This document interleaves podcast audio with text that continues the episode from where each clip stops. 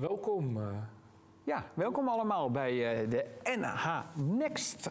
eh, live vanuit Theater De Campagne. Ja, in Den Helder helemaal. We, Ja. we mochten eindelijk de deur weer uit en we mochten naar Den Helder toe. Ja, wij komen niet uit, eh, uit Noord-Holland. Nee, ja, nou ja, jij, ja, jij wel eigenlijk, hè? Amsterdam. Ja. Ik, eh, ik ben Erik. Ik ben Michel. Ja. En eh, samen eh, ja, zijn we al een jaartje of 25 onderweg als eh improvisatiecabaretiers. Ja, dat maakt ons eh, ook eh, de gekwetste sector. Zeker, ja, we zitten er heel gekwetst bij. We zijn, Maar, maar gelukkig doen we ook nog andere dingen. We doen namelijk ook, eh, we helpen bedrijven die in verandering zijn. Dat doen we als superhelder. En ook daar is echt geen werk meer. nee, Dus, dus ja, ik weet niet of jullie thuis zitten en ook geen werk meer hebben. We weten hoe het voelt. ja. Dus ja, misschien dat je dacht, nou, kunnen we vanuit deze webinar iets opsteken? Dat hopen wij ook inderdaad. Ja, want we, we zijn gevraagd omdat wij eh, inderdaad eh, meedenken als er verandering plaatsvindt. En dan eh, vaak ook nog op een positieve manier. En dat klopt, we hebben een model ontwikkeld vanuit Superhelden. En dat, dat is eigenlijk vanuit de achtergrond van improvisatiecabaret. Ja, ik weet niet of iemand ooit wel eens daar thuis op een podium heeft gestaan. Dat vinden de meeste mensen. Thu- Thuis op een podium. Nou ja, mensen die nu thuis zitten, of die ooit voor een groep hebben gestaan om te presenteren, of überhaupt in een vergadering een presentatie hebben gehouden, vinden de meeste mensen spannend. Nou, wij besloten een jaartje of 25 geleden om, eh, om cabaret te gaan maken, eh, geïmproviseerd. Dus onvoorbereid het podium opstappen en dan eh, grapjes maken. Ja, als je de statistiek erbij pakt, is dat de de doodsangst nummer één. De, de angst om dood te gaan is kleiner dan de angst om onvoorbereid op een podium te gaan staan. Maar wij eh, doen onszelf dat aan, vinden we leuk. Ja. Ehm, Nou ja, ik moet wel ik zeggen, ik, ik zag het eh, ik, 25 jaar geleden, of misschien was het al 26 jaar geleden, eh, zag ik een voorstelling en dat vond ik echt super gaaf. Erik speelde in die voorstelling en ehm, ja, ik was gelijk verliefd. Niet per se op Erik, maar meer op de impro, zeg maar. Want wat ik zag, ik zag vier gasten die op een podium stonden. En ja, dan zei de een iets en de ander die sloot daar naadloos op aan. En het verhaal bleef maar doorrollen, terwijl het helemaal niet vast lag. Eh, en ze bleven enthousiast en als er eentje iets zei wat niet klopte... dan pakte de rest dat gelijk op zonder dat te veroordelen. Ik vond het fantastisch. Het was zo creatief en het was zo vloeiend en het was zo teamwork. Dus ik liep na afloop van die voorstelling naar Erik en ik zei... eh dit is de korte versie. Ja, ja. Eh, tof wat jullie doen, gaaf, zou ik ook wel willen doen. En toen sprak Erik de legendarische woorden... En dan doe je dat toch lekker. Ja, nou ja, ongeveer. Zo is het gegaan. Eh, ik ben dat gaan doen, ben daarna gaan trainen eh, in improvisatie. En eh, ja, dat is wat we nu al doen tot, tot, tot corona eigenlijk. Ja, hè? tot, tot corona. tot corona. Misschien dat we het ooit weer gaan doen, maar dat hangt eh, van eh, de hoeveelheid vrijheden die ons worden toegestaan door de regering af. Ja, de- kijk, eh, wij, wij zitten anderhalve meter, hè, maar dat op televisie, de camera, dan lijkt het alsof we dichter bij elkaar zitten. Maar eh, Nou, we zijn ook een soort familie. Maar ja, dat is waar. Ehm, nou, nou is het zo dat dat improviseren op een podium, dat, dat wekt dus heel veel angst op. En, en dan komen we bij het andere wat we veel doen eh, bij bedrijven. Ehm, het, het helpen bij het eh, ehm, omgaan met verandering. Want verandering, eh, onvoorbereid dingen, le- levert angst op. En dat is in deze situaties waar we nu zitten, massaal. Hè. Alles is veranderd. Er is dus heel veel angst. En dan ga je vechten tegen die angst. Eh, er gebeurt van alles. En wij hebben al lang geleden een prachtig model gemaakt. Het ligt hier voor mijn neus. Niet als spiekbriefje, maar gewoon omdat het leuk is om het op papier te hebben. En ehm, daar wilden we even kort met jullie over praten. En daarna willen we jullie uitnodigen om eh, daadwerkelijk vragen te stellen. Er- Er is een chat, die zit aan die kant, geloof ik. ja, hier naast mij. En er is een WhatsApp-nummer, dat staat hier voor mijn neus. 06 30 33 85 85. Als je zin hebt, stuur een videootje in. Kunnen we er daar, daarnaar kijken. Ja. Ehm, of als je vragen hebt. En wij vinden het heel leuk om mee, mee te denken. Om, om eh, op een iets andere manier dan de meeste mensen waarschijnlijk te kijken naar mogelijkheden. Want eh, dat is wel opvallend in deze crisis. Zie je een aantal verschillende reacties. Sommige mensen die reageren heel bijna enthousiast. Die gaan eh, dingen doen. Anderen die eh, raken in paniek. Die doen helemaal niks meer. En dat zijn eigenlijk allemaal bekende eh, angstreacties. Ja, En normaal als we dit op een podium vertellen, dan zeggen we, nou, noem eens de drie angstreacties. Dat is een beetje gek, want wij weten ze al. maar ik wil ze wel noemen hoor. Wil jij eens Ja, zal ik ze drie ja, Ja. psychologische angstreacties? Ja, ehm, vechten, vluchten en bevriezen. En ehm, dat lijken, eh, als je het hebt over angst, denk je, nou dat is heftig. Dat zijn mensen met een psychische stoornis, hè, die echt een angstreactie hebben. Ehm, maar ja, het heet nou eenmaal zo. Ehm, het, het zijn soms hele subtiele dingen. Kijk, vroeger in de natuur was natuurlijk, heb je echt een beeld bij vluchten bij vechten en bevriezen moet je bijvoorbeeld denken aan de eh, wandelende tak. Ja. Die, eh, eh, die, die kan niet zo goed rennen en vechten al helemaal niet. Dus die heeft als strategie, als er bijvoorbeeld een vogel aankomt of weet ik het wat, dat hij zich stilhoudt en bevriest, wacht tot de vogel of wat dan ook voorbij is. En hè, eigenlijk wachten tot het gevaar geweken is. En dat zie je bijvoorbeeld ook veel bij ondernemers nu. Ik ken een aantal eh, ja, die zoiets hebben. Nou, ik zit thuis, want eh, bijvoorbeeld andere cabaretiers zitten thuis te wachten ja, tot de theaters weer open gaan. Ja. En je weer kan doen wat je deed. Ja. Dat is eigenlijk ook een beetje een soort bevriesreactie. Afwachten tot het probleem zich vanzelf oplost. Ja. Ja, je ziet, ook, je ziet nu ook mensen die dan eh, de, de vechtreactie, maar die zie je ook heel, eh, die gaan dan heel hard roepen, ja, maar ik kan het ook online of zo. Of ik, eh, Ja. en, en, en ik moet zeggen, ik heb hele leuke online voorstellingen gezien, maar ik heb ook hele dramatische online dingen gezien. Ja. Ehm, wat vind jij daarvan? Is dat een, is dat een vechtreactie? Gewoon tegen corona in toch gewoon dingen doen of zo? Nou ja, kijk, weet je wat het is? Wat- Dat is zo heet die slogan ook. Samen vechten tegen corona. Dat is volgens mij... eh, of- Nee, nee, wat is het? Ja, hoe is die? Nee, het is niet vechten. Jawel. Samen verslaan we. Ja, nou ja, ik vind Alleen, dat... alleen, eh, nee, er zat een mooie tegenstelling. Is alleen samen verslaan we corona. Nou, dat is alleen super, samen. super verwarrende zin, toch? Alleen samen. Ja. Ja, Dus, maar het is wel een soort gevecht. ja. ja. En ja, je kan... Hè, dus, dus- en, en we, we tuigen van alles op. Nou, die discussie gaan we hier natuurlijk niet voeren... want we blijven binnen en mondkapjes... en iedereen smeert zich helemaal gek met desinfecterende gel. Dat is allemaal... Je- Terwijl je kan ook kijken inderdaad... hoe ga je met corona mee om, zeg maar. Weet je wel? Hoe leef je met corona in plaats van tegen corona? ja. Nou, we duiken er gelijk helemaal verwarrend in. Ja, ik, maar eh, misschien, ja. misschien moeten we het model even gaan uitleggen. Je hebt dus die drie angstreacties, die komen vanuit ons... eh, ik, ik, ik vertel het gewoon tegen jou. Ja, bevriezen, vluchten en vechten. en die komen vanuit ons onderbewuste. Ons onderbewuste, eh, dat is een, een, brein, een deel van ons brein wat veel langer bestaat eh, dan ons bewuste brein. En dat delen we samen met de reptielen. Ja. Hè. Toen is dat een beetje ontstaan. En dat stuk brein heeft één functie, namelijk overleven. Ja. Doet er alles aan om risico's te vermijden.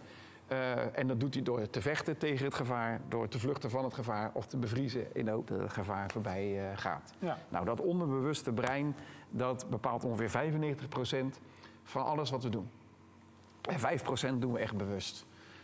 Eh, dat is best wel chockerende cijfers, men kunt het in boekjes nalezen. Mhm. Ik dacht ook, hè, hoezo doe ik 95% onbewust? Maar was me daar niet van bewust, maar dat komt omdat het Ja. onbewust is. Ja, De rest eh, om je heen had iedereen dat wel in de gaten.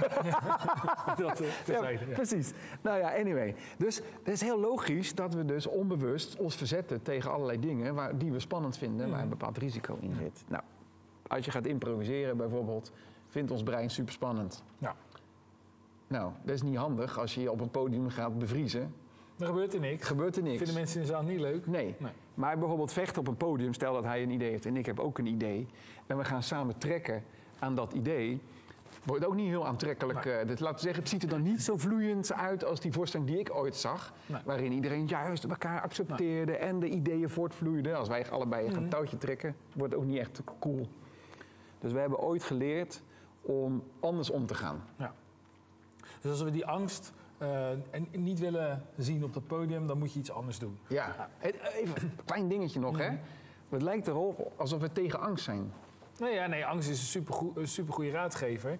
Eh, volgens mij eh, gaat angst over behoud. Dus als je, als je wil dat alles blijft zoals het is, dan, eh, dan gaat angst een rol spelen. En dat is prima, omdat de meeste dingen ook echt heel leuk zijn. Ik had echt een heel leuk leven. Tot, eh, ja, nog steeds trouwens.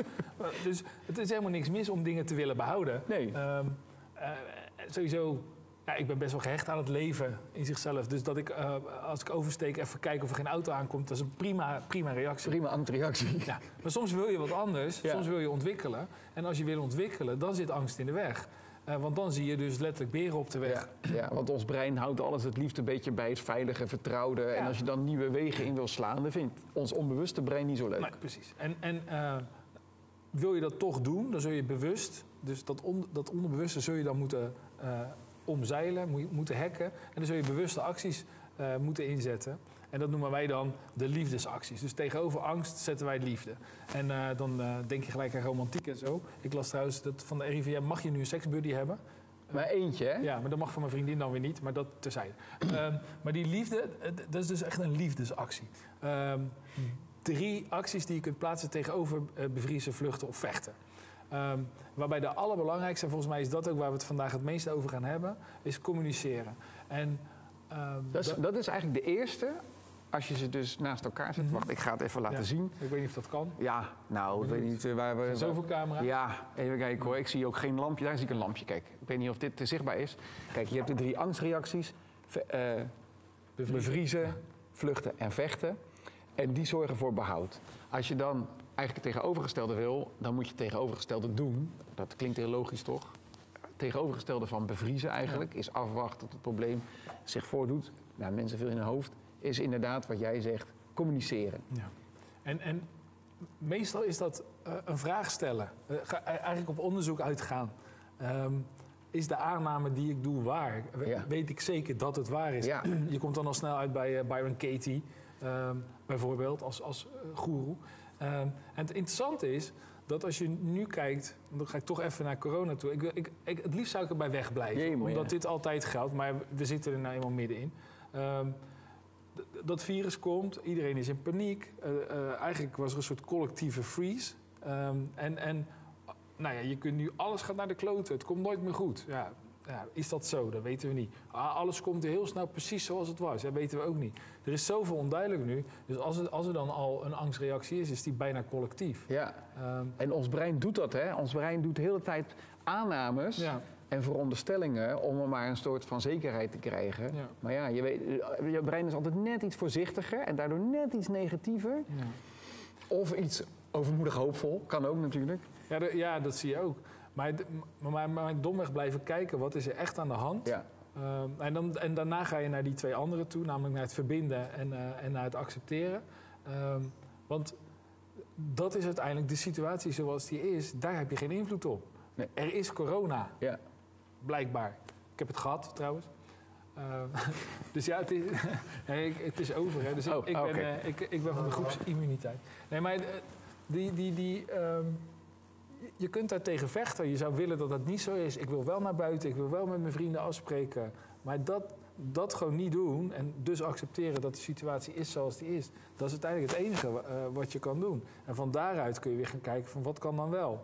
Ehm, hoe, hoe, hoe ga ik dan wel dingen doen? En weet je, voor ons geldt natuurlijk net zo goed als, als voor heel veel andere mensen die eh, zelfstandig ondernemer zijn. Ehm, ons werk is gewoon echt volledig weg. Ja. Ehm, ergens heb je wel een keer inkomen nodig. Ja, wat ga je dan doen? Ehm, nou, ik ben op mijn spaargeld aan het interen. Dat is ook wel fijn dat ik het had.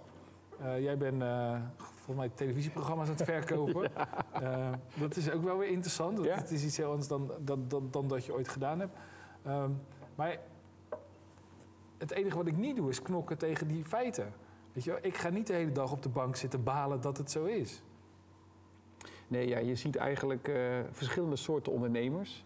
Ehm, dat is, eh, ten eerste is het, is het natuurlijk eh, de bevriesreactie, wat ik, wat ik al zei. Hè? Dus je hebt ondernemers die afwachten Ja. tot het voorbij is. Ja, dat kan best wel eh, een goede actie zijn. Ik heb dan in instantie ook gedacht van nou, ook in september gaan we weer verder Ja. met evenementen en, de, en mogen we weer optreden. Ja.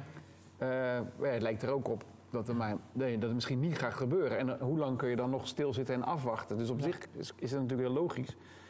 Ehm, dus ja, de- de- je moet op een gegeven moment ook weer gaan onderzoeken... Hey, wat kan er wel? Ja, ja dat, eh, ik, wat ik eh, wel, wel interessant vond, nou, dat weet je, eh, eigenlijk de tweede dag of zo van de lockdown. Toen eh, deed Niels eh Roemer, die deed een oproep, dat is ook een jongen uit onze branche, die deed een oproep van hey, als we elkaar niet meer kunnen ontmoeten, kunnen we elkaar dan nog wel raken. Ja, En toen ontstond er een initiatief, Ruimte om te raken. En we waren een collectief van negen mensen die elkaar niet eens allemaal kenden. En uit het niets eh, hadden we ineens eh, Project Touchscreen. ja. Ehm, in, de, in een lege hal met 50 iPads, met de optredens van Typhoon en Iris Hond. En het was echt waanzinnig. De hele markt heeft het gezien, de, de evenementenbranche en ook heel veel mensen daarbuiten. En het was binnen twee weken hadden we dat project opgetuigd en het was echt geweldig. De energie. ehm, ik, ik was zo blij dat ik echt dacht van wauw, wat gaaf dat er corona is. Dat is echt letterlijk mijn gevoel. Wat gaaf dat er corona is, dat we daardoor dit hebben kunnen Ja. maken. Zo, zo, zo mooi en heftig was Ja. het. Ehm, toen hebben we nog een tweede project erachteraan gedaan. week later, dat was ook fantastisch. Hartstikke Connect met vijf, vijf sprekers. Jitse Karamer, Dolf Jansen. Dat was ook helemaal te gek. En een dag later, toen eh, eh, ging ik naar huis en toen had eh, mijn vriendin corona. En eh, toen zat ik ineens in een huis met één iemand en ziek. En ik werd ziek. En dat, daar heb ik vervolgens een maand gezeten. Dus vanuit die enorme hype eh, van wauw, dit is zo waanzinnig mooi, zat ik ineens in ongeveer het tegenovergestelde. En eh, ook het gevoel van, wat ga ik in godsnaam nog doen? Er is geen werk, er is niemand die me belt. En dus ineens was de andere kant volledig aanwezig. En, en toen ben ik ook maar gewoon weer gaan nadenken en gaan, gaan zitten. Ja? En onderzoeken, is het waar dat niemand me belt? En ik had één dag zelfs, dat is wel grappig. Toen, eh, toen zat ik de hele dag te klagen dat er niemand was die me belde. En toen aan het einde van de dag, toen zei Laura eh, tegen mij, mijn vriendin... eh, weet je dat, je dat er vijf mensen gebeld hebben vandaag... die alle vijf iets van je wilden? En ik, ik had dat gewoon niet door. Dus door mijn geklaag heen had ik niet meer in de gaten... dat ik door vijf mensen gebeld was. Super mooi voorbeeld. Als we het dan hebben over dat bevriezen. Mensen gaan heel erg nadenken. Als je niks doet en afwachten, ga je nadenken. En je brein heeft eenmaal de neiging om wat negatiever te zijn uit voorzichtigheid. Mhm. Want we moeten risico mijden. Ja. En precies dat, soms kun je zo in dat nadenken zitten dat je niet eens ziet dat jij vijf keer gebeld bent. Ja. Eh, dus dat is heel grappig. Eh, en, en dat is dus, eigenlijk moet je dus proberen, en dat is wat wij, eh, wat we natuurlijk met impro ook doen, is alles zeggen wat je denkt. Dus Mhm. niet te veel nadenken, want dat nadenken, nou, je, je kan in rondjes blijven draaien, zeg maar. Ik bedoel, voor mij noemde jij dat ook te, eh, piekeren, de verkeerde kant op fantaseren eigenlijk. Absoluut. Eh, dat kun je zomaar gaan doen natuurlijk in deze tijd van, eh, van corona. Ja. En, maar meestal helpt het je niet. Zeker niet omdat je, je brein net de neiging heeft om net iets negatiever te zijn dan, eh, dan nodig. Mhm. Dus wat we bij impro doen, is alles zeggen wat we denken en, en vragen stellen. ja. Is het waar wat je denkt? En heel vaak lopen mensen met die vragen rond. Maar zeggen, vragen ze het niet. Niet, want dat herken ik bij mezelf. Ik ben Ja. zelf nogal een binnenvetter. Ja. Dus ik heb een heleboel vragen. Maar ik heb wel gezien dat als ik met die vragen, als ik daarmee naar buiten treed, weet ik veel, als jij iets, eh stel dat wij in onze samenwerking jij iets doet waarvan ik denk, Jezus, wat een irritant eh, gedrag heb jij, waarom zou je dat doen? Nee, maar dat heb ik niet. Nee, maar stel, stel, heel- vind ik heel puur, moeilijk. puur hypothetisch. Heel moeilijk, stel dat ik dat, en dan kun je dat afvragen van, hé, hey, waarom, waarom doet mijn collega zo irritant? Ja. Terwijl als je het vraagt, letterlijk echt gewoon vraagt, hé, hey, waarom doe je zo irritant? Of waarom doe je dat? Er Mm. zit wat minder een oordeel op. Ja. Dan kun, je, dan kun je dat vaak nog gewoon verklaren. Ja. Ik had van de week iemand die kwam de hele tijd met allerlei aanwijzingen. En het irriteerde mij. Ik had heel het gevoel dat die persoon mij mijn fouten wees de hele tijd. Ja. En toen ik hem daarover in gesprek ging, want het irriteerde me. Ik denk, nou ga het dan maar zeggen. Van, joh, vind ik echt heel vervelend. Ja. Toen bleek dat hij eigenlijk alleen maar mij wilde helpen. Ja. En ik denk, hé, oh, dat is best wel goed bedoeld. Dat, dat doet mij denken aan een keer toen liep ik een halve marathon. En ik, mijn energie was een beetje op. En een, eh, een dorpsgenoot van mij, die liep ook die halve marathon. Ja. Maar die was aan het trainen voor een 80 kilometer eh, run. Dat, dat deed hij. Ja, En eh, dus die, die halve marathon, wat mijn maximum was, was zijn minimum. wa- was voor hem een trainingsloopje. Ja, En toen ik nog drie of vier kilometer te gaan had, toen kwam hij even teruggerend om mij te motiveren. hoe voelde dat? dat werkte niet heel Nee, goed. nee, nee, nee. Echt- maar het is zo grappig, want hij bedoelde het echt goed. Ja. Het is zo interessant hoe, hoe dingen soms helemaal het tegenovergestelde kunnen bereiken. Dus eigenlijk is, is, is vooral alle, alle aannames die je doet, check die. Hmm. Want je, Heb, jij, is, heb jij nou dingen gezien in je omgeving, eh, eh, voorbeelden van ondernemers die iets heel handigs hebben gedaan, in de, eh, die corona als een kans hebben gezien? Ja, zeker wel. Nou, wat ik zag, ik, ik sprak van de week iemand die zat in de podiumbouw van evenementen. En dan heb je dus allemaal mannen, eh, handige mannen die normaal podia bouwen, maar Ja. dat gaat voorlopig komend jaar waarschijnlijk niet meer gebeuren. Nee. Eh, en een decor bouwen, ook uit evenementen. Eh, die hadden ook niks te doen. En die zaten samen, nou, misschien zo wel aan tafel, van ja, wat nu? En die zei, ja, oké, iedereen gaat thuiswerken. Wat hebben ze nodig? Een bureau. Ja. Nou, hebben ze heel snel en samen met die decorbouwer een soort snelbouwbureautje zonder schroeven, dus nog makkelijker dan Ikea. Eh, hebben ze dat opgetuigd, super fancy website erbij. eh, en binnen twee maanden verkoopt als een dolle. Ja. Gaan zelfs nu al naar het buitenland, een regelrechte aanval op corona. Denk, hé, hey, wauw. Dus die hebben niet zitten wachten van wanneer komen de evenementen weer. Die hebben zelfs niet gekeken, oh, wat zou je... Wat kunnen we ons podium nog ergens anders voor gebruiken? Mhm. Die hebben gewoon gedacht, oké, nog een stap verder terug. Wij zijn gewoon handig. Ja. Waar kunnen we die handen nog meer voor gebruiken? Nou, maken ze nu bureautjes. Grappig. Dus dat is wel kansen zien, zeg maar. Maar die kansen die zie je pas op het moment dat je niet helemaal in de angst schiet. Maar dat, dat je kijkt naar wat kan er wel. Heb jij er last van, van de angst nu? Nou, ik had heel even angst, ja. Dat moet ik eerlijk zeggen. Ik heb de, de, de eerste drie dagen dat ik zag van... eh, eh, de, de evenementen gaan niet door. Dacht ik heel even, hoe gaan we dat doen? Ja. Hoe ga ik het überhaupt rondkomen? En toen heb ik eigenlijk vrij snel, heb ik eh, de dag daarna 30 sollicitaties de deur uit gedaan. Ja. Eh, en, eh, en daarmee was, eh, ik heb nu een baantje, en was mijn inkomen weer eh, redelijk, eh, nou ja, Ja. gecompenseerd. Ja. Eh, het, dus het scheelde enorm en daardoor kon ik weer in ontspanning eh, naar de wereld kijken. Ik moet wel eerlijk zeggen, als, als natuurlijk dat soort gevaren op je afkomen, is het wel heel moeilijk om eh, ontspannen om Ja, je heen te kijken maar- naar kansen. Ja, maar dat is volgens mij ook dat, dat is volgens mij de, de, de grootste truc. Dat die angst die verlamt op de een of andere manier. Ja. En dan wordt het steeds moeilijker om nog te kunnen kijken naar wat, er- wat er wel mogelijk is. En volgens mij wat daar een goede, echt een goede truc voor is, is om even iemand anders erbij te vragen. Om gewoon Ja. daadwerkelijk aan een collega-ondernemer of aan iemand die, die wel een baan heeft. Ja. Eh, dat is ook wel, weet je, mijn vriendin heeft gewoon werk, Ja. is ambtenaar en eh, ja, dat is echt be- best wel relaxed. Niks aan de hand. Eh, nee, voor haar. of bijna niet. Die ja. crisis is dus ook voor heel veel mensen totaal anders. Ja. Als jij gewoon een baan hebt, er zijn mensen die gaan gewoon elke dag naar dezelfde baan. En die krijgen el- evenveel geld als voor de crisis. Het enige wat dan gek is, is hoe je boodschappen doet, ja. bij wijze van spreken. En, eh, en, en, en dan heb je in onze branche heb je mensen die gewoon ineens nul inkomen hebben. Die altijd een behoorlijk goed inkomen hadden en ineens helemaal niks meer. Het is een totaal andere crisis Ja. dan. Maar goed, Nou, hey, ik, ik, wil- want, Ja, ja, Ik, zag, ik zag het ook. Wij Ik- krijgen hier eh, tekst en uitleg op ons, eh, op ons eh, Scherm. schermpje. Danny, Dan- Danny uit Den Helder, horeca-ondernemer. En ik zie het filmpje al voorstaan. Die heeft ook iets omgedacht. En dat vind ik wel heel geinig. Dus die heeft een filmpje ingestuurd. Dus even kijken wat hij te vertellen heeft. Ja, Danny. Hey Erik en Michel. Ik eh, hoorde over jullie, eh, over hetgeen waar jullie mee bezig zijn. Over het stukje, eh, hoe ga je om met deze situatie. Ehm, nou ja, het is natuurlijk heel apart hè, deze situatie. Eh, in het begin dat dit allemaal begon. We hebben een, ik zal even een korte introductie doen. Ehm, we hebben een horecazaak, en een café lunch. En een eh, avond een beetje feestcafé idee. En heel veel besloten partijen hebben we. En daarbij hebben we ook nog aan vast een dames en heren modezaak. En op een zondagavond kwam de melding ehm, dat wij binnen een uur dicht moesten. Nou, dat is natuurlijk een shock. Want in het begin denk je allemaal dat het hele gebeuren wat er aan de gang is, dat dat een behoorlijke ver van je bedshow is. Dus eh je denkt het zal wel meevallen. Totdat je hoort dat je binnen een uur dicht moet. Oké, dus dat was wel een klap. En vervolgens kwam daarbij dat eigenlijk een hele schokgolf denk ik door Nederland ging. En ook door, eh, daarbij natuurlijk ook door Den Helder.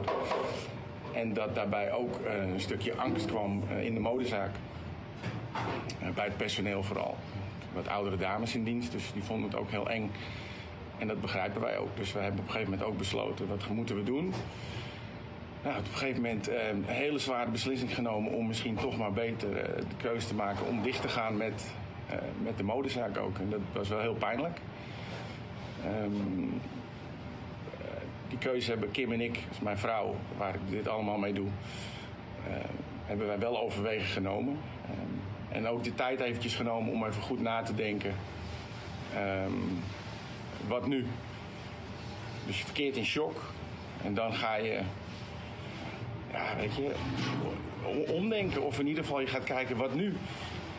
Nou, en toen hebben wij de keuze gemaakt heel snel van ehm, positief, weet je. Het is nu zoveel negatief. Je wordt wakker, het is negatief. eh, Het is corona, voor corona, na. Je stapt de auto in, doet de radio aan. Het is niks anders meer dan dat. Dus die negatieve vibe, die hing overal. En dat kon ik slecht. Nou, ik kon het wel accepteren, maar. ehm, ja, ik denk, als we iets willen, dan moeten we het gaan omgooien. En dan maar met een positieve draai. En plezier en een, een leuke uitstraling. En iets vinden wat eventjes onderscheidend is. En waarmee je toch een bepaalde happiness kan uitstralen. Nou, vervolgens eh, voor de winkel ervoor gekozen om private shopping te gaan doen. eh, alleen eh, puur op afspraak. Nou, dat werd gelukkig zeer goed opgepakt. Alle regels wel natuurlijk in acht nemend. Eén of twee mensen in de winkel. Nou, Kim deed alles zelf. En ehm, vervolgens voor de horeca ehm, de keus gemaakt om iets simpels, goed en waar humor in kan zitten, wat je kan gebruiken in, in je PR. En eh, toen kwamen we uit op kip. Ik had 2,5 maanden natuurlijk nooit gedacht dat ik, eh, dat ik in een kippenpak zou zitten. Maar ja, dat, eh, ik moet zeggen, ik, het zit nog lekker ook. En we hebben er heel veel lol in. Ik heb heel veel lol en het werd zo leuk ontvangen. En eh, het is alleen, we hebben expres gekozen alleen voor afhaal, puur ook om. ehm, puur ook om nog steeds het contact te houden met je mensen. En dat is gewoon erg leuk en het wordt gigantisch goed opgevangen. We doen zeer veel op de sociale media en ook op de kooplokaal eh, Facebookpagina, waar heel veel mensen op volgen, waar iedereen zijn ding op kan doen. Ja, en de reacties zijn gewoon fantastisch en eh, dat, is gewoon, dat is gewoon heel erg leuk om te zien dat je door helemaal out of the box te gaan, eh, met iets totaal nieuws wat je gewoon eigenlijk nooit had verwacht, met een eigen sausje en goede producten. Ja, gewoon iets tofs te doen. Dus dat is een beetje dit. Ik had eigenlijk maar een minuut. En nu zit ik alweer op vier minuten, zie ik. Dus ik praat veel te veel.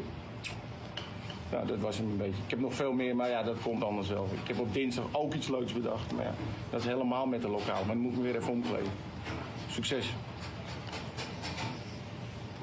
Oh, Ja, met een lekker sausje. ja ik, ik dacht eerst dat dit uit, de, uit, die, uit die modezaak kwam, eh, wat hij aan had. Maar het was een ander Maar restaurant. het, maar, maar, maar het is grappig, wat, wat hij beschrijft is precies eh, eerst vanuit angst en dan vanuit een soort bevriezen. En dan eh, toch op onderzoek en eh, kunnen we wat positiever zijn, wat is er wel mogelijk. En om dan gewoon kip te gaan verkopen in een kippenpak. Ja, het valt in ieder geval op en het blijkt dus heel goed te werken. Ja, hij noemde het out of the box inderdaad.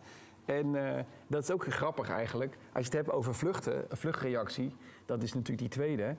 Eh, als je twee ideeën hebt, zeg maar je eigen idee, mijn eigen idee en jouw idee, Ja. dan zal het brein zeg maar altijd kiezen voor de veiligheid van je eigen idee. Ja. Dus je vlucht altijd heel vaak naar je eigen idee of naar dat wat je al kent of al dat soort dingen. Ja. Eh, en out of the box is natuurlijk best wel tegen die richting in Ja. van wat je, wat je oerbrein prettig vindt. Hè? Ja. Dus we hadden het er eh, in de voorbereiding over van... gaat corona nou eh, een hele verandering teweeg brengen? Sommige Ja. mensen Nee, hopen dat, dat. Maar dat was ook hè, een soort verliefde honeymoonfase in eerste instantie. Oh, Ja. spannend. De hele wereld wordt beter straks na corona. Ja. en nu, nu zijn we het eigenlijk wel zat. Ja. Maar, maar als, je het, als je het aan ons, ons onbewuste brein overlaat, zeg maar... Mhm. ons onbewuste brein gaat het liefst terug naar hoe het was... dat wat we kenden, weet je wel. Dat je gewoon ja, je winkeltje wat je had, je bedrijf, hoe je het deed... je auto, je huis, alles wil je graag houden. Dat, dus als er een verandering komt, dan zullen we zelf die dappere stap moeten zetten, zeg maar. Ik ga even naar een vraag, want die kwam eh, in de chat binnen. Van Luc. De vraag is, ik heb een restaurant. Ja. Eh, nou, dat is leuk. Blijken veel restaurants hier in Den Helder. Onder mijn personeel heerst ook veel angst. Wat zijn goede mogelijkheden om om te gaan met deze angst bij mijn personeel? Ehm, en dat, dat is een terechte vraag. Hè? Want je kunt als ondernemer wel eh, bedenken van... nou, ik ga weer open. Maar je personeel moet zich daar ook wel senang bij voelen. Zeker. Ehm, en ik vind ook dat je die verantwoordelijkheid hebt voor je personeel... om erover na te denken. Ehm, mijn eerste reactie is onderzoek even welke angst het is. Precies. Praat er met elkaar Ja. over. Stel de vraag waar ben je precies bang voor. En je zult er waarschijnlijk achter komen dat het een irrationele angst is. Want dat is. Ik, ik durf te zeggen, in 80% van de gevallen is dat, is dat het geval. Is de angst die er is eigenlijk een irrationele angst. Nou, kijk, je kan natuurlijk bang zijn dat je je baan verliest. Want het, eh, eh, dus dat kan. Dat is misschien Ja. niet eens zo heel irrationeel. Maar ik denk dat, eh, dat deze vraag ging over het personeel in dat restaurant. Als Oké. ze open gaan, Ja. eh, denk ik, dat neem ik aan, Ja. Toch? Ja, personeel eerst angst. Ehm, dus ik neem aan dat het niet gaat over de baan, want het is zijn personeel. Ehm, En dan Ja. angst voor corona, dat ja, je krijgt. Ja, ja, er komen weer mensen in je zaak. Ja. gaan straks heropenen Oké, ja. voorzichtig. ja. Eh, dus ja, dan, dan zul je dat moeten onderzoeken. En volgens mij ben je A verplicht als ondernemer om het in ieder geval zo goed mogelijk te Ja. doen. Ik zou een stapje verder gaan dan de regels, sowieso. En, eh, en, en als je je aan de regels houdt, daar met je personeel over praten. En als er dan nog steeds personeel is wat toch zegt van ja, ik voel me er niet lekker bij. ja.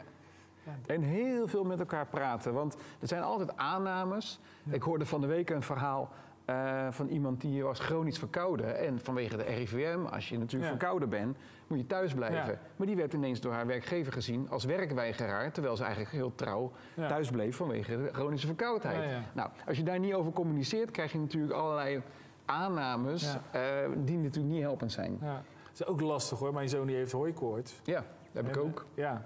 En eh, die, die mag nou ineens nergens heen. Nee, Ja, ik weet dat het hooikoorts is. Dus het is ook Precies. gewoon echt een rot. Ja, Oh. dus nou ja, eigenlijk moet je daar natuurlijk eens een keer met elkaar vooral daarover praten. Ja.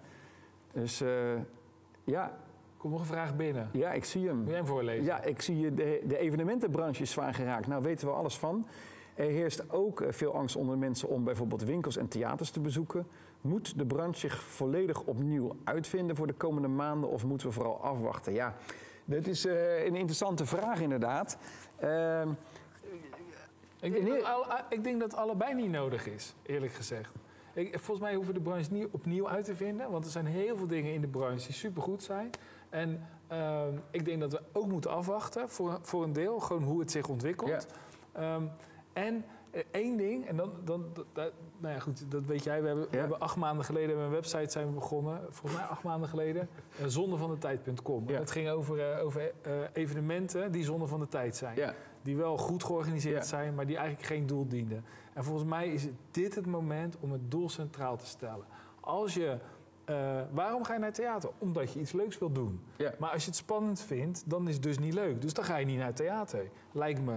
En wat kun je dan wel doen? Nou, misschien, eh, we hadden het hier net ook over in dit prachtige theater hier. Eh 30 mensen in de zaal op genoeg afstand. En dan een livestream, dat je lekker thuis kan kijken in de veiligheid van je, van je bank met je, met je lief. Zie je toch live een voorstelling. Weet je, er is, er is echt zat mogelijk. Ehm, maar ga wel elke keer terug naar het doel. Dat, dat, dat Ja. is waar ik vooral naar kijk. Hoe, hoe kun je teruggaan naar waarom?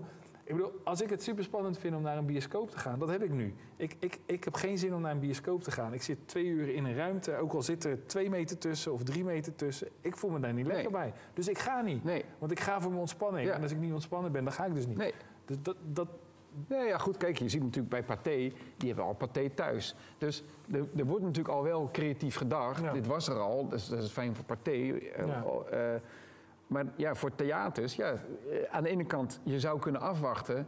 Maar ja, als het langer duurt, dan is het voor heel veel bedrijven natuurlijk problematisch. tuurlijk. Dus ja, als het je lukt om iets te verzinnen, Ja. te gek natuurlijk, hè? Ja. Als je echt een, een oplossing hebt. Maar ik, denk dat mensen best bereid zijn. En ik, ik had het er net ook heel even over met, eh, met, met eh, iemand van het theater hier. ging over Carré. Eh, de, de eigenaresse of de, de directeur van Carré die was heel erg aan het klagen over... ja, we hebben net helemaal uitgerekend hoe het met 500 man toch nog kan... en nu mogen we maar met 100 vanaf 1 juli. Dat is niet eerlijk. En ik denk, jongens, je bent Carré. Je bent fucking Carré. Iedereen kent je naam. Doe, doe, maak een mooi... Iedereen wil spelen daar. Elke cabaretier, elke eh, acteur, eh, elke muzikant. Maak een mooi programmaatje. Zet die 20 mensen die mogen daar in de zaal. eh, haal 20 mensen uit de zorg. Laat het waanzinnig mooi in beeld brengen. En, en half Nederland wil wel voor 5 euro de stream kijken live. ja. Dat is geen enkel probleem. er Sterker zijn- nog, RTL wil het wel uitzenden en die tikt in één keer 40k af. Ja, en er zijn vast misschien, laten we zeggen, nog goed verdienende mensen die het heel interessant vinden om daar voor, voor 200 euro te gaan zitten op een exclusief Ja, eh, plekje. Misschien kan je die wel per opbod verkopen. Ja. Je laten zien hoe rijk je bent. En dan zeg je erbij, hey, je helpt eh, Carré Ja. de winter door. Coré. Eh, Bouw Coré om tot Coré. Coré, ja, precies, Coré ja. Amstel, zo is het. Nee, maar er zijn zoveel mogelijkheden. Uh, alleen daar moet je wel naar durven kijken. En heel veel dingen zoals ze gingen, die gaan nu niet. Nee. En misschien ooit weer wel en misschien ook niet. En, wat, en wat, wat, wat, als we dan natuurlijk even naar dat brein kijken, wat we natuurlijk geleerd hebben vanuit impro, is dat als je bang bent, dat je alleen focust op wat niet kan. Dat Ja. is een soort natuurlijk, eh, Ja. is heel handig natuurlijk, Ja. oog in oog met een sabeltandtijger. Dat je alleen even oog hebt voor hetgeen wat je bedreigt en Ja. niet kijkt ondertussen, hé, hey, daar zie ik een vlindertje. Och, hartstikke mooi. Ja, ja. Hè? Dat is super handig, maar het beperkt je natuurlijk ook als je natuurlijk nu in de stress zit. Dat je alleen maar denkt wat niet kan, dit kan niet, dat Ja. kan niet, dat kan niet. Dus eh, door je Ja, maar dat, dat, maar dat, dat, vind ik, dat vind ik supergoed advies. Stop met kijken naar wat niet kan en probeer te kijken wat er nog wel mogelijk is. Als ik de koelkast open doe en ik heb zin in kaas en er ligt geen kaas, dan weet ik zeker dat ik geen kaas ga eten. Precies. Maar als ik daarvan baal, dan doe ik de koelkast dicht, dan ga ik naar de supermarkt kaas kopen. Maar eh, Als het er niet ligt, ligt het er niet. En op dit moment mag je niet met 200 man in een zaal gaan zitten. Nee. Dus dan kun je wel zeggen dat dat balen is, Ja. maar er is nou eenmaal wat Ja. het is. En, en dan kun je nog steeds toffe dingen doen. eh, en je kunt nog steeds mooie dingen maken. Alleen je zult, je zult het op een andere manier moeten doen. En ja, Ja? hey, we hebben een filmpje klaarstaan, geloof ik. Ja? Kijken. Eh, Raymond, die werkt in de evenementen en Oh, bedrijfsuitjes. Nou, daar hebben we het voor. Ik ben benieuwd of het een positief of negatief verhaal Hij is. ziet er heel blij uit. Ja. Ga even naar Raymond. Beste kijkers van NA Next, mijn naam is Raymond Harmelwaard. Ik ben ondernemer en directeur bij DT Events. De naam zegt het eigenlijk al. Eh, wij organiseerden en creëerden voornamelijk offline events in Noord-Holland. Helaas is daar ook voor ons op 13 maart de streep doorheen gegaan. Moesten wij wat gaan bedenken. Daar hebben wij in 2,5 week tijd hebben daar een nieuw product voor ontwikkeld, de DT Eventbox. Ik wens alle andere ondernemers dan ook heel veel succes bij het bedenken van nieuwe businessmodellen. Maar het kan echt. En ik wens jullie heel veel succes. Kijk. Oh, wat cool. Ik ben daar zo nieuwsgierig naar wat ja? het is. Het Is dat dan out of the box? Of in, wat zit er into the box? Weet je, dat is natuurlijk een maar, beetje... wel, maar wel leuk, je ziet ook dat die positieve uitstraling heeft. Ik heb Het ook is een supergoeie reclame wat hij nu doet. Want ik, denk, ik ga denken straks, wat is het? Hij vertelt het niet verteld. Ja. Super irritant eigenlijk. Maar, maar weet je, eh, eh, het grappige is, ik, ik weet niet wat jij hebt gezien aan, aan, eh, aan dingen. Ik zag een, een online, ik hou van escape games, dat weet je. Ja. Online escape game, superleuk om te doen. Ehm, weet je, er, ontstaan ook echt hele nieuwe initiatieven die ik echt, echt wel tof vind. Eh, en aan de andere kant denk ik ook, ah, was het maar klaar. Echt serieus. Weet je, kon ik maar gewoon weer naar buiten gaan. En eh, als ik gewoon lekker over straat, terrasje, een hapje, een drankje, ergens Ja. naar binnen. Het is, Ik, ik moet dan in één keer denken aan een periode in mijn leven. Eh, ik, eh, ik, ging, ik, ik, ik was gescheiden. Wacht even, heel even. Want Wat? ik- ja, ik zie net. Misschien dat we van Raymond, als hij nou even nog laat weten wat hij nou precies in die doos heeft, Oh, dan kan hij nog meer. Ik ben, ik ben wel echt nieuwsgierig. Oké, oké. Jij- ja. jij bent kan, gescheiden, ondertussen kan Raymond dat Precies. even intikken. En toen, toen had ik geen huis en ik woonde bij vrienden op zolder en ik woonde in een Ik weet het caravan. nog heel goed. Ja. En toen was ik heel de tijd maar aan het wachten tot dat voorbij was. Maar Ja. ik had ook wel gezien, het duurt minstens een jaar voordat ik eigen plekje heb. Ja. Dus toen dacht ik, hé, ga ik dan nu een jaar lang mijn leven op soort stop Ja. zetten? Of ga ik nu, doe ik het nu met hoe het is? Ja. Eh, en toen, vaag, vaag beeld had ik. Ik weet dat mensen die, die vluchten uit, nou ja, eh, uit een land, zoals bijvoorbeeld Iran, kunnen Ja. super lang onderweg zijn. Ja. Voordat ze in Nederland zijn Ja. om daar asiel aan te vragen. En dan nog voordat je normaal leven. Ik denk, ik, zouden die mensen al die tijd hun leven op stilzetten of zouden ze doorleven? Dus toen dacht ik, hé, volgens mij moet je gewoon proberen, ongeacht corona, hè, met, met Hmm. in mijn, in mijn geval was ik dakloos. Laat, ja, Ja. we nu hebben corona. Kijk, je kan natuurlijk wachten tot het voorbij is. eh, Ja. Maar ondertussen zijn dit ook gewoon waardevolle dagen.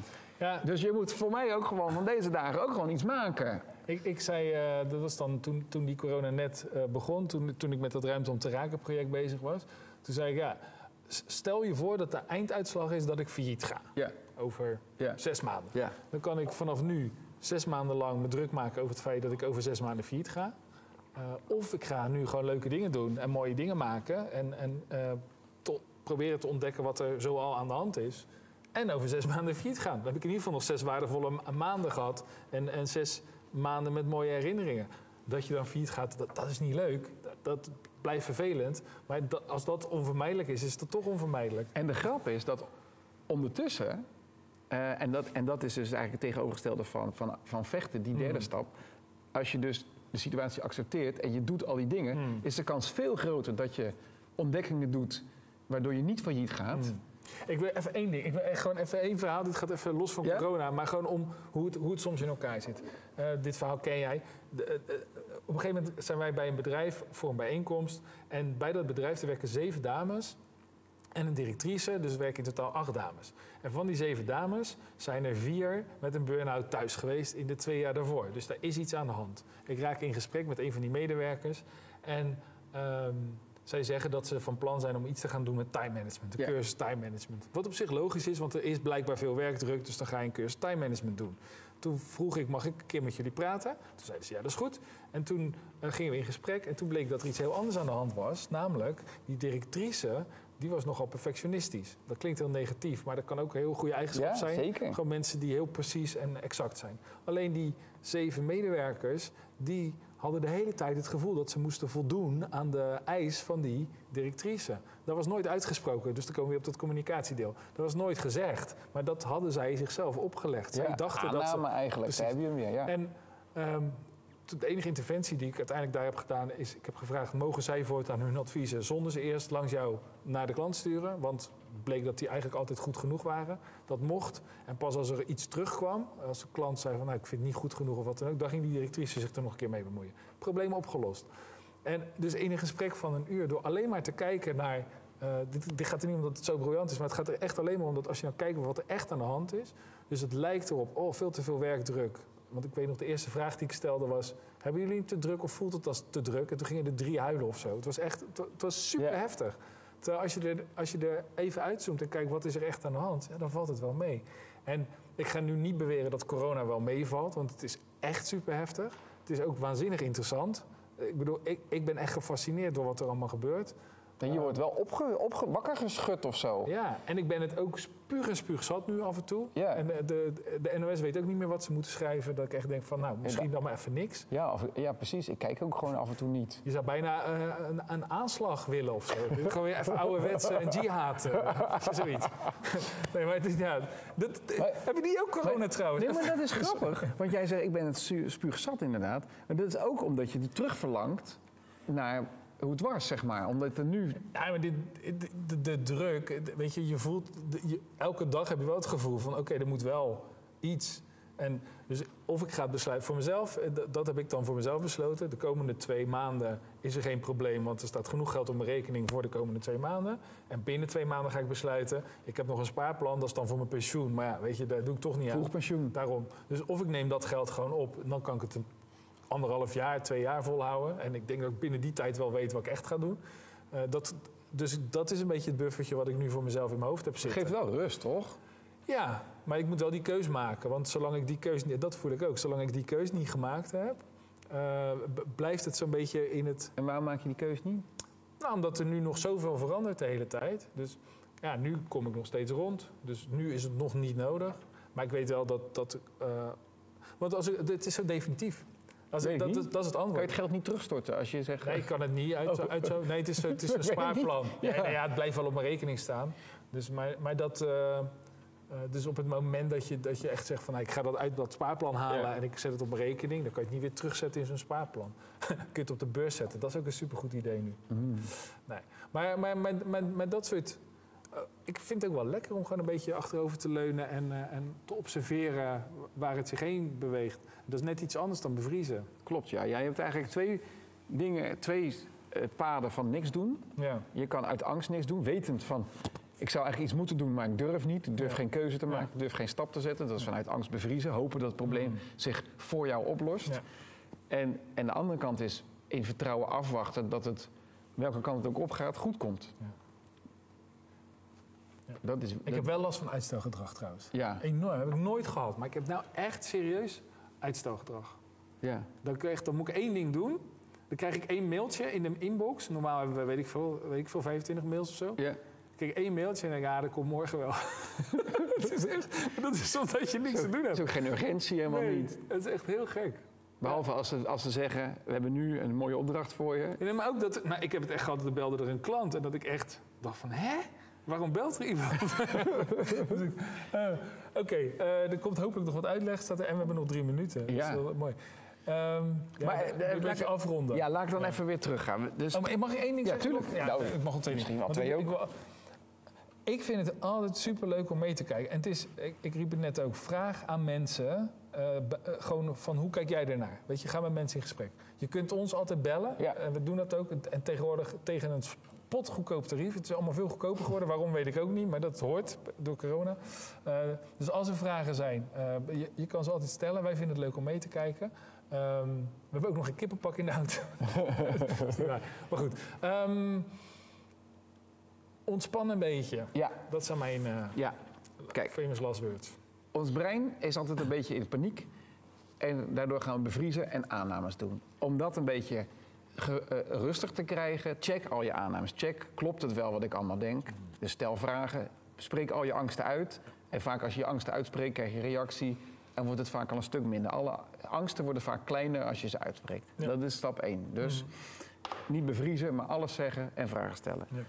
De tweede reactie is vluchten in het oude vertrouwde. Nou, dat is heel logisch bij corona dat je denkt, ik zou willen dat het weer zo was. Maar daar- er waren ook heel veel dingen toen niet zo tof. Nee, ook niet. Ook niet. Dus, Maar als je dat idee loslaat, dan ontstaat er veel meer ruimte om misschien nieuwe dingen te doen. Ja. Dus hè, misschien moet je ook leren loslaten van oké, wat ik nu deed, was dat nou echt zo de enige weg of zijn er nog meer wegen? Ja. En de laatste is eigenlijk, als we vechten tegen de situatie, Hmm. hè, dan heb je vooral die focus op die bedreiging, op die sabeltandtijger. Ja. Ehm, maar als je de situatie accepteert, dan ontspant je brein, echt serieus waar. Eh, en dan zie je in plaats van alleen maar die bedreiging ook in één keer het hele plaatje en zie je ineens veel meer kansen. Ja, en die kansen zijn er wel. En, en, en ja, er zullen ook echt mensen zijn die iets doen waar geen vraag meer naar is. Dat is ook zo. Ja. En dan denk ik dat wij in een land leven waar je gelukkig redelijk goed wordt opgevangen. Ja, misschien wel te goed. Ik zei het er straks. Ze niet willen ruilen met Amerika. De overheid houdt nu ook bedrijven in leven die misschien helemaal niet meer levensvatbaar zijn. Hey, Re- Re- Re- Remon, die komt nog even terug. Dat- als je wil weten, volgens mij staat het ook in de chat, eh, dan moet je naar DT-eventbox. DT Eventbox. DT-eventbox.nl. Dat is het. DT Event. DT Eventbox. En eh, wat we nog gaan zeggen, 19 mei om 2 uur is er weer een eh, stream. Eh, social media in coronatijd. Ja. Dat is denk ik net zoals voor coronatijd. Toch? Ja, dat denk ik. Maar ja, wat kun je er, hoe kan je het gebruiken, denk ik? Ik denk dat daar een beetje over gaat. Ja. Hoe, hoe kun je het in je voordeel gebruiken? Want dat is wel, iedereen zoekt, wil wel die mogelijkheden eventjes gepresenteerd krijgen. Als je ze natuurlijk zelf niet ziet, Ja. dan krijg je ze via deze stream misschien wel op een presenteerblaadje. Zo is het. Eh Roos en John doen dat. Ja, Toch? ja, weet ik wel zeker. Superleuk. zit onze tijd erop. Ja, ik denk het ook. Voor altijd. Hey, dankjewel voor het kijken. Dankjewel voor, ook voor de vragen en de reacties. En ik hoop dat jullie er iets aan gehad hebben, geïnspireerd zijn ook. Ja, ik vond het in ieder geval leuk om weer een keer buiten te zijn. Ik vond het leuk om jou een keer te dat is zien. eh, lang geleden. Ja. Dus eh, dank jullie wel daarvoor. Yes. Oké,